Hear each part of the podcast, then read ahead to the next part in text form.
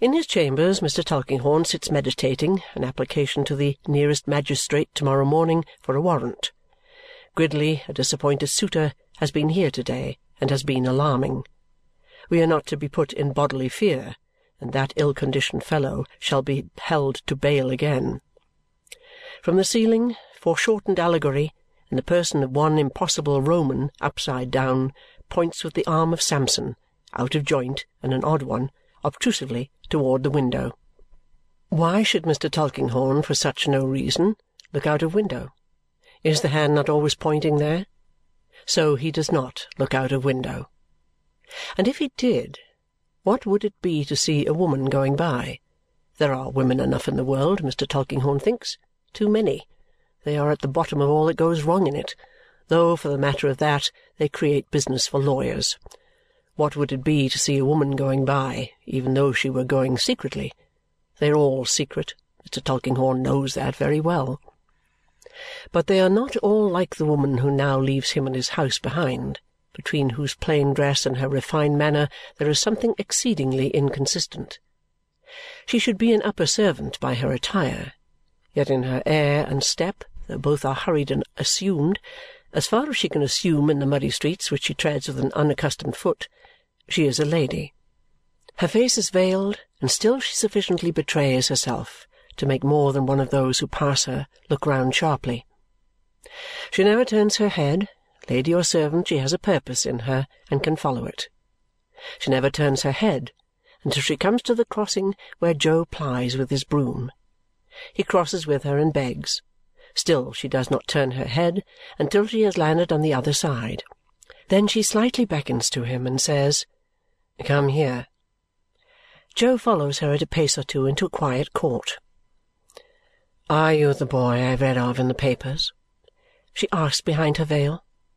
"I don't know," says Jo, staring moodily at the veil.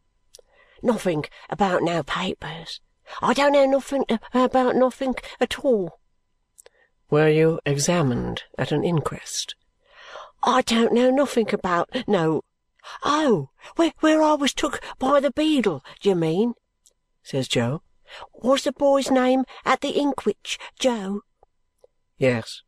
"That's me," says Jo. "Come further up." "You mean about the man?" says Jo, following. "Him as was dead?" "Hush! Speak in a whisper. Yes. Did he look, when he was living, so very ill and poor?" "Oh, jist!" says Jo. "Did he look like not like you?" says the woman with abhorrence. "Oh, not so bad as me," says Jo. "I'm a regular one, I am. You didn't know him, did you?"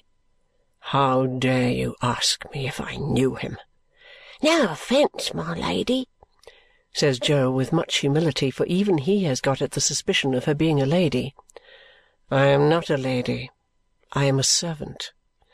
"You're a jolly servant," says Jo without the least idea of saying anything offensive, merely as a tribute of admiration. "Listen, and be silent. Don't talk to me, and stand farther from me. Can you show me all those places that were spoken of in the account I read? The place he wrote for, the place he died at, the place where you were taken to, and the place where he was buried. Do you know the place where he was buried?"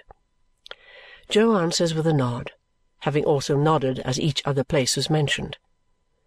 "Go before me and show me all those dreadful places. Stop opposite to each, and don't speak to me unless I speak to you. Don't look back. Do what I want, and I will pay you well." Jo attends closely while the words are being spoken, tells them off on his broom handle finding them rather hard, pauses to consider their meaning, considers it satisfactory, and nods his ragged head. "I'm fly," says Jo, "but fen larks, you know. Stow hook in it." "What does the horrible creature mean?" Exclaims the servant, recoiling from him. "Stow cutting away, you know," says Jo. "I don't understand you. Go on before. I will give you more money than you ever had in your life. Jo screws up his mouth into a whistle, gives his ragged head a rub, takes his broom under his arm, and leads the way, passing deftly with his bare feet over the hard stones and through the mud and mire. Cook's Court. Jo stops. A pause. Who lives here? Him what give him his writing and give me half a bull, says Jo in a whisper without looking over his shoulder. Go on to the next. Krook's house. Jo stops again. A longer pause. Who lives here? He lived here, Jo answers as before.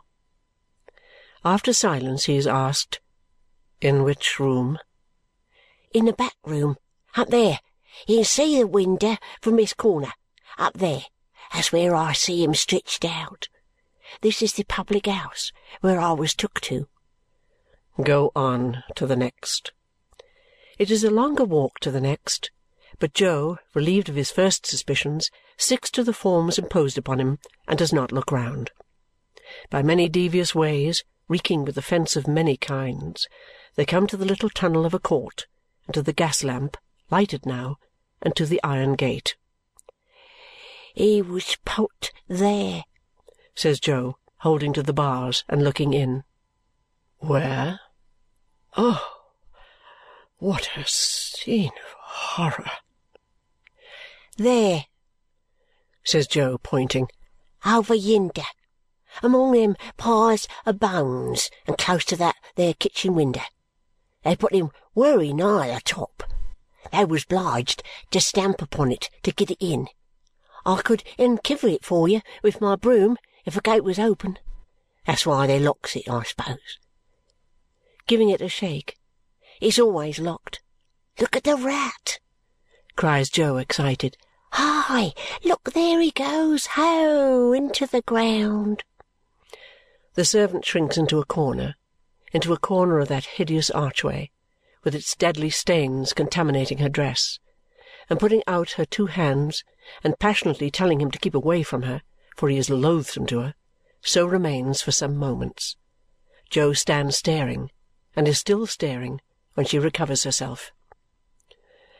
Is this place of abomination consecrated ground? "I don't know nothink of consequential ground," says Jo, still staring. Is it blessed? "Which?" says Jo, in the last degree amazed. Is it blessed? "I'm blessed if I know," says Jo, staring more than ever. "But I shouldn't think it warn't. Blessed?" repeats Jo, something troubled in his mind. "It aren't done it much good if it is. Blessed? I should think it was t'othered myself, but I don't know nothink." The servant takes as little heed of what he says as she seems to take of what she has said herself. She draws off her glove to get some money from her purse. Jo silently notices how white and small her hand is and what a jolly servant she must be to wear such sparkling rings. She drops a piece of money in his hand without touching it, and shuddering as their hands approach. Now, she adds, show me the spot again. Jo thrusts the handle of his broom between the bars of the gate and with his utmost power of elaboration points it out. At length, looking aside to see if he has made himself intelligible, he finds that he is alone.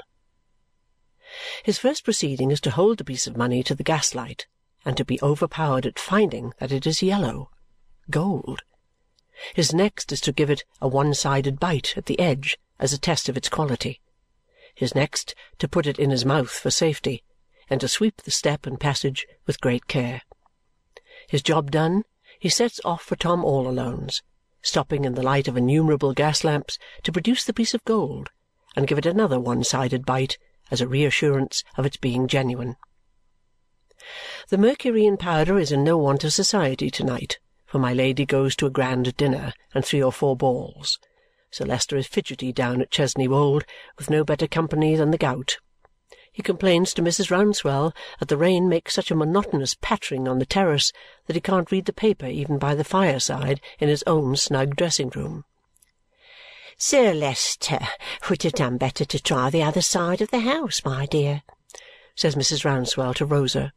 His dressing-room is on my Lady's side, and in all these years I never heard the step upon the Ghost's Walk more distinct than it is to-night.